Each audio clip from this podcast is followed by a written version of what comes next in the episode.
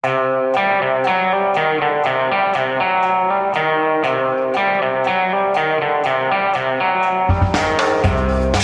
uker igjen. Vi snakker med eksperter og reportere i felten om hvem som ligger best an, Trump eller Biden.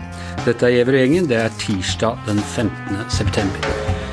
Men aller først så må vi en kort tur innom eh, Oslo tingrett. Og Astrid Mæland, hva har skjedd i Bertheussen-saken i dag? I dag har Laila Anita Bertheussen inntatt uh, vitneboksen igjen og måtte forklare seg om den første hendelsen ved huset 6.12.2018, der det altså da ble tagga rasist på husveggen, rasist og hakekors, og det var masse spraymaling rundt forbi og tusj, og bensinlokket var brutt opp, og det var en hyssingsdump inni der som var påtent. Ja. Og det var jo da uh, all medieoppmerksomheten etter hvert også uh, begynte å komme. Hva har hun forklart om dette? Hun begynte dagen med å si at hun har en sykdom, leddgikt, som gjorde at hun har dårlig hukommelse og dårlig konsentrasjon, og beklaga det, og sa at hun kom til å si 'husker ikke' en masse framover i retten. Og slik ble det. Hun huska ikke stort sett. Og det er jo også lenge siden, ikke sant? det er flere år siden. Det understreka hun at det er vanskelig å huske hva hun har gjort en dag i, i desember i 2018. Eh, men så er problemet da for Bertheussen at eh, hun har forklart det forskjellig i avhør da hun var fornærma i 2018, var hun i tre avhør. Nå er hun sikta. Etter det har hun ikke forklart seg. Men i retten i forrige uke så forklarte hun seg annerledes enn hun har gjort i avhør. og Det er det aktoratet prøver å pirke i nå. Han prøver å vise at hun har tilpassa forklaringa si ettersom hun har blitt forelagt digitale bevis og spor fra internett osv. Og hva skal skje videre denne uka? På torsdag kommer mannen til Bertheussen, samboeren, eh, Tor Mikkel Wara, er der i dag òg, men eh, han inntar vitneboksen så forklarer hva han husker fra den første natta, når de første gang ble angrepet. Han lå jo og sov sammen med Laila Inetta Bertheussen, sier hun sjøl, i senga, og våkna midt på natta av noe bråk på utsida, la seg igjen. Og dagen etterpå så våkna samboerparet til at det var tagga og gjort hærverk på eiendommen deres. Så det blir spennende å se hva, og høre hva han husker. Han har jo forklart seg for politiet mye lenger enn Bertheussen. Han forklarte seg sist i september. Og eh, så er det da fortsatt eh, åtte uker igjen med bevisføring etter dette?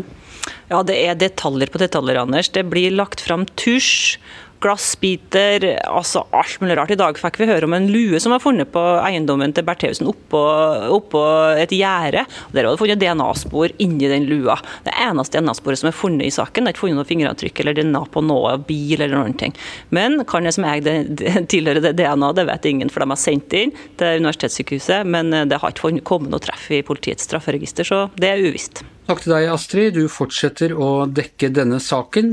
Men eh, nå skal vi ha en liten premiere.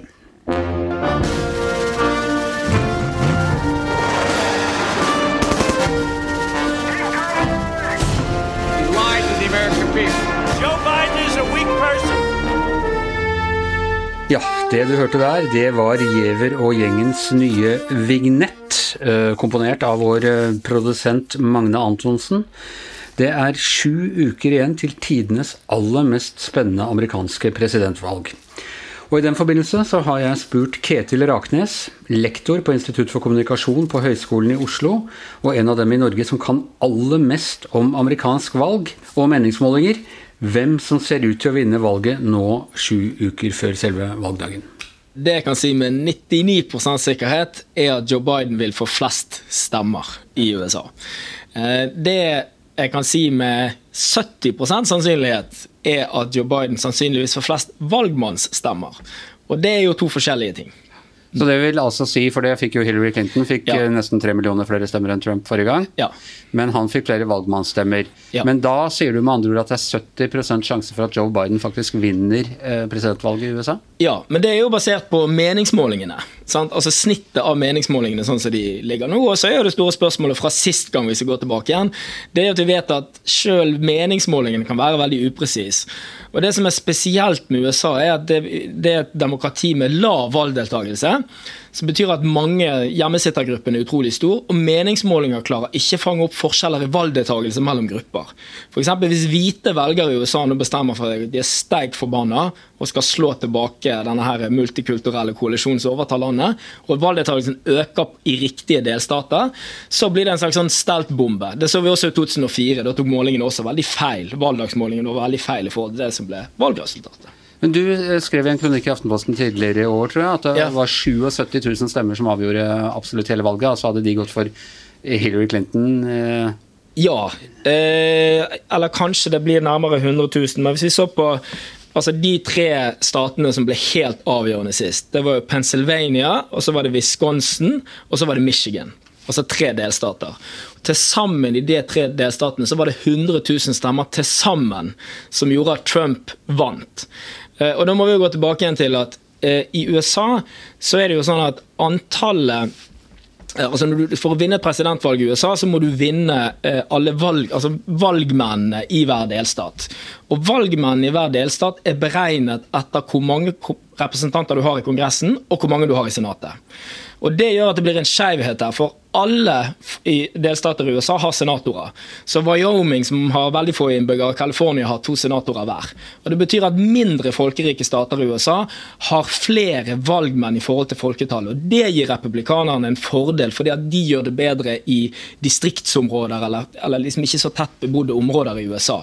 Så det er det som gjør at Trump kan vinne med, altså med at han ikke har flertall på landsbasis, men allikevel kan vinne valgmannskollegiet. Men det er jo det representative demokratiet. Vi har jo det i Norge òg. Ja, ja, eh, og det er jo liksom en sånn, eh, eh, en sånn type sånn her common sense-kritikk. Liksom, det går ikke an, men det er helt riktig. Jeg var satt i en regjering som vant flertall, stort flertall med 48% av stemmene to ganger.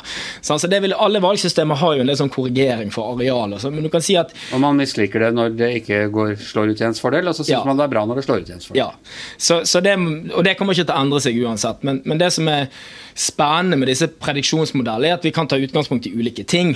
Én uh, ting er jo å ta utgangspunkt i meningsmålingene, sånn som den Nate Silver-modellen som er veldig uh, populær. Ja, fra 538, ja, som journalister ja, bruker. Og den Journalister liker den veldig godt, og den kan du slå opp på hele tiden. Men den er jo basert på live, altså at den oppdateres med nye data hele tiden. Men når man begynte å predikere valget i USA, så brukte man jo da det var to variabler som var veldig viktige. Det var økonomi og det vi kaller presidential approval rating, altså hvor populær presidenten var.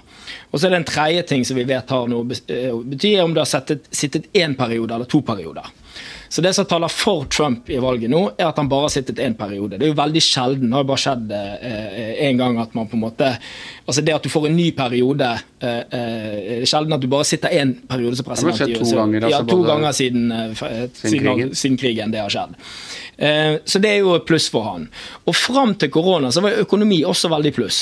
Sant? Fordi at amerikansk økonomien gikk veldig bra. Det Trump har slitt med hele tiden, sammenlignet med tidligere, er jo at han har hatt lav popularitet. altså at uh, Approval-ratingene hans har vært, vært lavere. Vært under 50 ja, Men ut ifra en sånn modell så vil nok de fleste ligge på at det nå blir veldig jevnt. Altså Hvis du tar utgangspunkt i de variablene og ikke ser på, på meningsmålingen. og de, Den typen modeller det vi kaller sånn regresjonsmodeller, har vist seg å være ganske ganske treffsikre. Problemet er at de sier bare noe om hvor mange prosent du får på landsbasis. Men uh, lærte, Har meningsmålingsinstituttene lært noe av forrige gang? Er de bedre nå som følge av at de tok uh, feil forrige gang? De sier det sjøl. Uh, eh, og det var jo spesielt i Midtvesten, sant? der mange, det var mange hvite velgere som ikke oppga at de kom til å stemme. Men det er jo det samme problemet som vi ser med meningsmålinger internasjonalt også. Det er at færre svarer, eh, eh, og at det er nok en sånn tendens til at de som har høyere utdanning og høyere politisk deltakelse, svarer mer enn andre.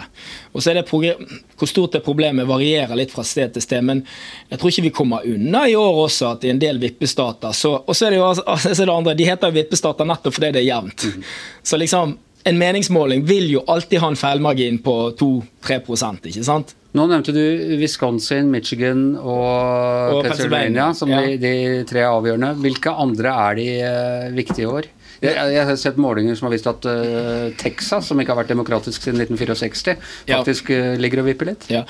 Nei, altså, altså, dette fenomenet vippestater er jo sånn at det skifter jo fra år til år. Eh, det som har vært interessant så langt i år, er jo at nettopp Wisconsin, Pennsylvania og Michigan har syntes å ikke være så veldig vippete. At de har beveget seg veldig i retning Biden. Florida peker seg nok ut som alltid som den staten som på en måte det er mest spenning knytta til. Der ligger det liksom helt jevnt. Ja, der Bush vant med 500 Ja, ja den, den, så Florida liksom holder fortet som sånn den ultimate vippestaten, også fordi at den har mange valgmenn. Stor stat. Det blir spennende å følge med. Får ja. høre med deg om en ukes tid igjen om, ja. Eh, om uh, oddsene har forandret seg. Yes. Også verdt å nevne at eh, Raknes har vært SV-politiker i mange år og, og, var statssekretær i en av Stoltenberg-regjeringene. Men der altså her er det rene meningsmålings meningsvurderinger han kommer med, uavhengig av hvem han mener fortjener å vinne dette valget. Og Jostein Matre, VGs korrespondent i USA akkurat nå. Du har jo faktisk vært i uh, en av vippestatene. Kanskje den uh, vippestaten som er aller, hvor det går aller tettest, nemlig Pennsylvania? Det stemmer. Jeg og fotograf Thomas Nilsson eh, tilbrakte tre dager der i forrige uke. Og Hva er ditt eh, inntrykk der? Det, jo, det var jo en stat som eh, demokratene har, liksom, har, klart å holde på gjennom veldig mange valg, og som de tapte forrige gang. Ja, inntrykket er at det er jevnt. Eh, vi var en del ute på landsbygda, og vi var i et par mindre byer. I de mindre byene der så vi f.eks. skilt som står i hagene med både Biden og med Trump, og vi snakka med folk som som både var usikre på hvem de skulle stemme på, folk som skulle stemme på begge to. Straks vi kom litt mer ut forbi de, de byene, så var det nesten bare Trump-skilt å se. Um, og det er jo klart at uh, Demokratene sine største områder i, i, den staten er jo rundt storbyene Pennsylvania og, og inn i Pittsburgh. De, de områdene var ikke med i, men uh, men alle vi snakker med òg tror på at det blir jevnt. Eh, så det er klart, Snakker du med demokrater, så tror de at de drar i land seieren. Snakker du med republikanerne, så tror de at de drar i land seieren. Og Noe av greia er vel at Trump har klart å få folk til å stemme som ikke har stemt eh, gjennom mange valg. Jeg så i New York Times omtalte noen av disse valgkretsene som steder hvor det bor flere bjørner enn velgere. altså Temmelig grisgrendte strøk. da. Ja, det, det stemmer nok. og da, En av de tingene som Når vi snakker f.eks. med en lokallagsleder for eh, demokratene i i, det county, eller fylket som jeg vil si på norsk, som heter Lucerne, så sa hun da at det var problemet for fire år siden var at de ikke hadde klart å få til den entusiasmen rundt Hillary Clinton. De hadde ikke klart å få ut, få ut folket, på en måte da, men hun mente at hun så en helt annen entusiasme blant de demokratiske velgerne nå. Eh, hun fortalte bl.a. hvordan de gikk eh, tomme for, eh, for sånne Trump, unnskyld, Biden-skilt som folk setter opp i hagene sine. og og de hadde måttet få en eh, ekstraforsyning fra nabofylket. Eh, og selv eh, dagen etter de fikk det, så var de igjen tomme for det igjen. Så hun mente at nå, nå er dette i ferd med å snu. Ja, og da er jo Biden selv hadde jo dette gjør mye nummer av, hadde jo selv i uh, sin barndom i Scranton, uh, Pennsylvania, ordentlig sånn arbeiderklasseby uh, nord i staten? Stemmer, det var ganske nær Scranton. Vi var, blant annet, vi var i en by som heter Wilkes Bar, som ligger en halvtime fra Scranton eller noe sånt.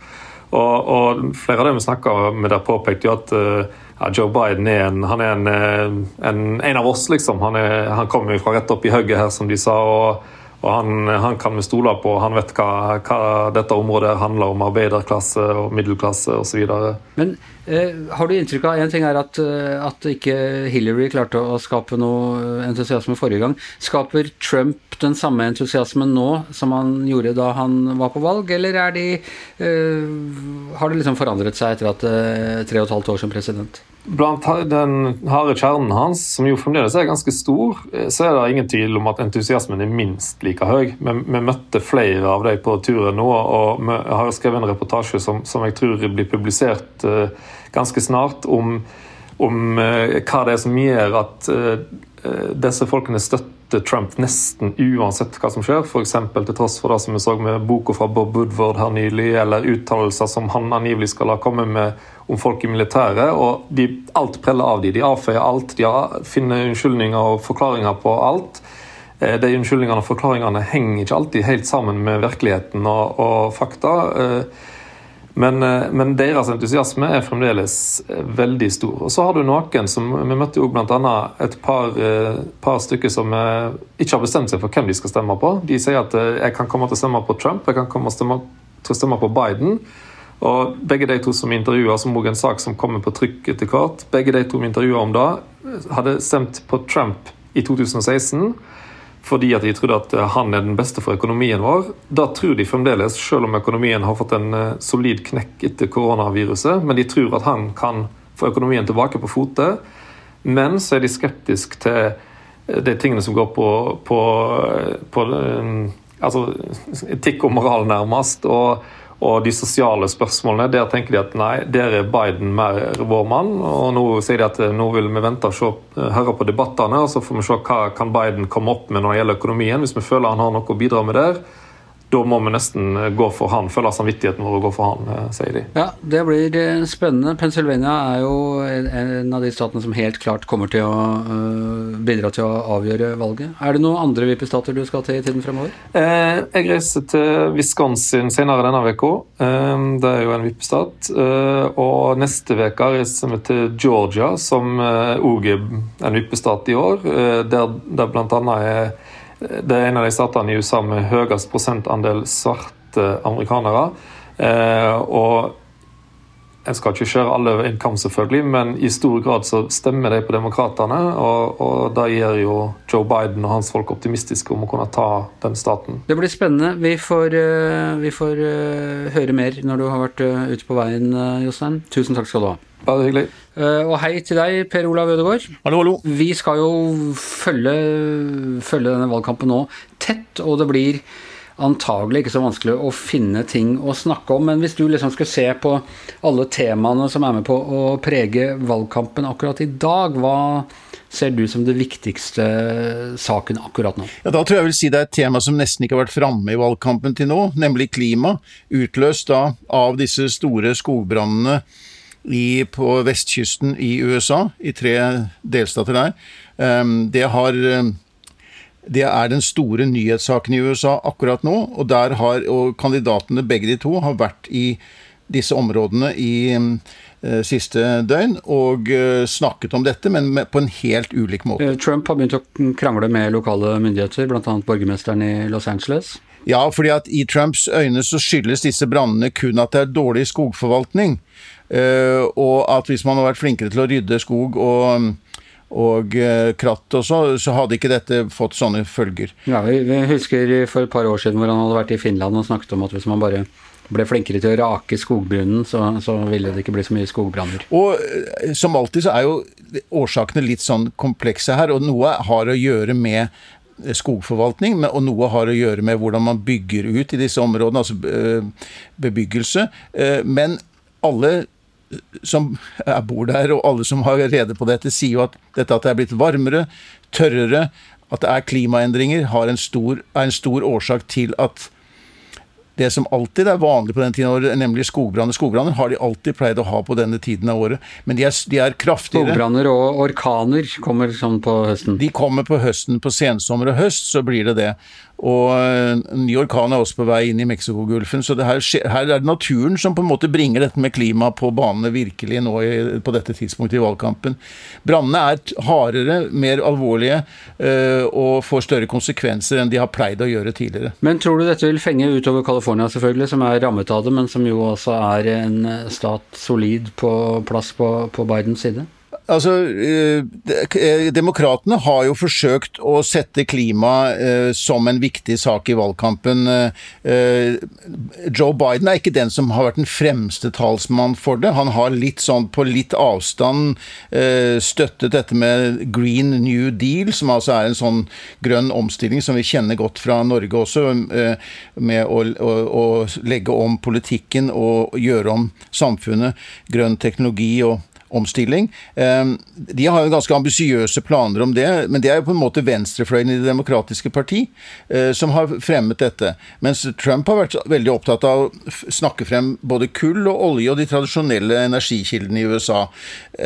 Så Biden har på en måte gitt en slags støtte til til en grønn omstilling, og har lagt fram ganske ambisiøse planer, han også, uten helt å gå like langt som venstrefløyen i partiet. Det er et tema, en sak, som engasjerer unge velgere. Det vet man fra undersøkelser, og det ser man fra entusiasmen for Bernie Sanders og og andre på venstresiden i partiet. Så det kan jo være en sak som kan få de til å bruke stemmeretten. Og Biden har vel også sagt at han skal gå inn for å reundertegne Parisavtalen hvis han blir president? Ja, det er en veldig og viktig og konkret sak han har sagt han vil gjøre. Og man kan si at Obama-administrasjonen ikke kom langt nok når det gjaldt den omstillingen, den grønne omstillingen, men de gjorde samtidig en hel del. Og jeg tror noe av det som kommer til å bli stående etter Trump, er at veldig mange av de utslippsbegrensningene, de reguleringene som ble innført under Obama, er blitt droppet, gjort om, for det har presidenten en mulighet til å gjøre uten å gå gjennom Kongressen og forandre på disse reguleringene. Så noe av det mest varige etter Trump tror jeg er svekkelsen av miljølovgivningen. Så det kan, uansett hvor mye Eh, det får å si for valgkampen. Dette vil eh, bli en konkret forandring om det blir et presidentskifte. Det er en, annen, det er en stor dag for oss uh, amerikansk politikknerder, for i dag har den endelig kommet. Nå foreligger den. Du har til og med fysisk sett fått tak i den. Jeg har den bare på Kindle. Nemlig Bob Woodwards nye bok om Trump. Den andre han har skrevet, som heter Rage. Ja, det stemmer. Jeg, jeg, jeg oppdaget at den fantes uh, på, min, uh, loka, på, en lokal bak, bo, bokhandel nær meg. Der sto den uh, når de åpnet i dag morges, så det var jo fantastisk. Ja. Jeg, har kommet, jeg, har begynt å lese på den. Jeg har kommet et stykke på vei, men jeg har mye igjen. Jeg tenkte vi kunne ta nå framover, mens vi begge leser om Kapp her, og finne daglig et sitat fra boka som har gjort inntrykk. Jeg, har ikke, jeg er så vidt i gang med første kapittel. Jeg har en haug med forord i den boka som du må gjennom først. Men hva, hva er ditt eh, favorittsitat så langt? Ja, det er en samtale mellom uh, en av disse 17 intervjuene som Woodward hadde da med Trump. så Dette her fant sted 7.2. Og der ser vi på en måte en litt sånn annen side av Trump enn den man ofte opplever um, i offentligheten. Og det, hvor han snakker om at når du styrer et land, så er det fullt av overraskelser. Og så er det sitatet Det er dynamitt bak hver eneste dør. Altså, og, det, og, I den samtalen så synes Woodward at eh, Trump framstår litt fatalistisk, litt mer usikker. Han er verken sint, skrytende eller svært selvsikker, som han veldig ofte er i offentligheten. Rett og slett litt ydmyk i forhold til at uh, dette har han ikke nødvendigvis fullstendig kontroll på? Ja, altså at han, at han, vil oppnå noe, men at det hele tiden møtes av overraskelse bak hver dør. Og, det, og det, er på en måte en annen side av Trump. Så jeg, jeg, jeg, i hvert fall det inntrykket jeg har fått til nå, eh, så får du på nyanserer det bildet vi har, og det bildet han selv ønsker å framtre eh, i offentligheten med. Men jeg syns også det er underlig, det er, mange, det er, jo flere av disse samtalene som er at etter at det er, det er Trump som ringer Woodward. Det er åpenbart at han har ønsket å på en måte satt pris på å ha en samtalepartner som han. 17 samtaler hadde de i alt. Jeg velger å ta eh, samtalen fra hvor han eh, har henta tittelen på boka. Den fant sted før Trump i det hele tatt ble eh, president, men han presenterer det da på åpningssidene. Og det er at Trump forklarer Woodward I bring rage out. Altså, jeg frambringer raseri. Jeg appellerer til raseriet.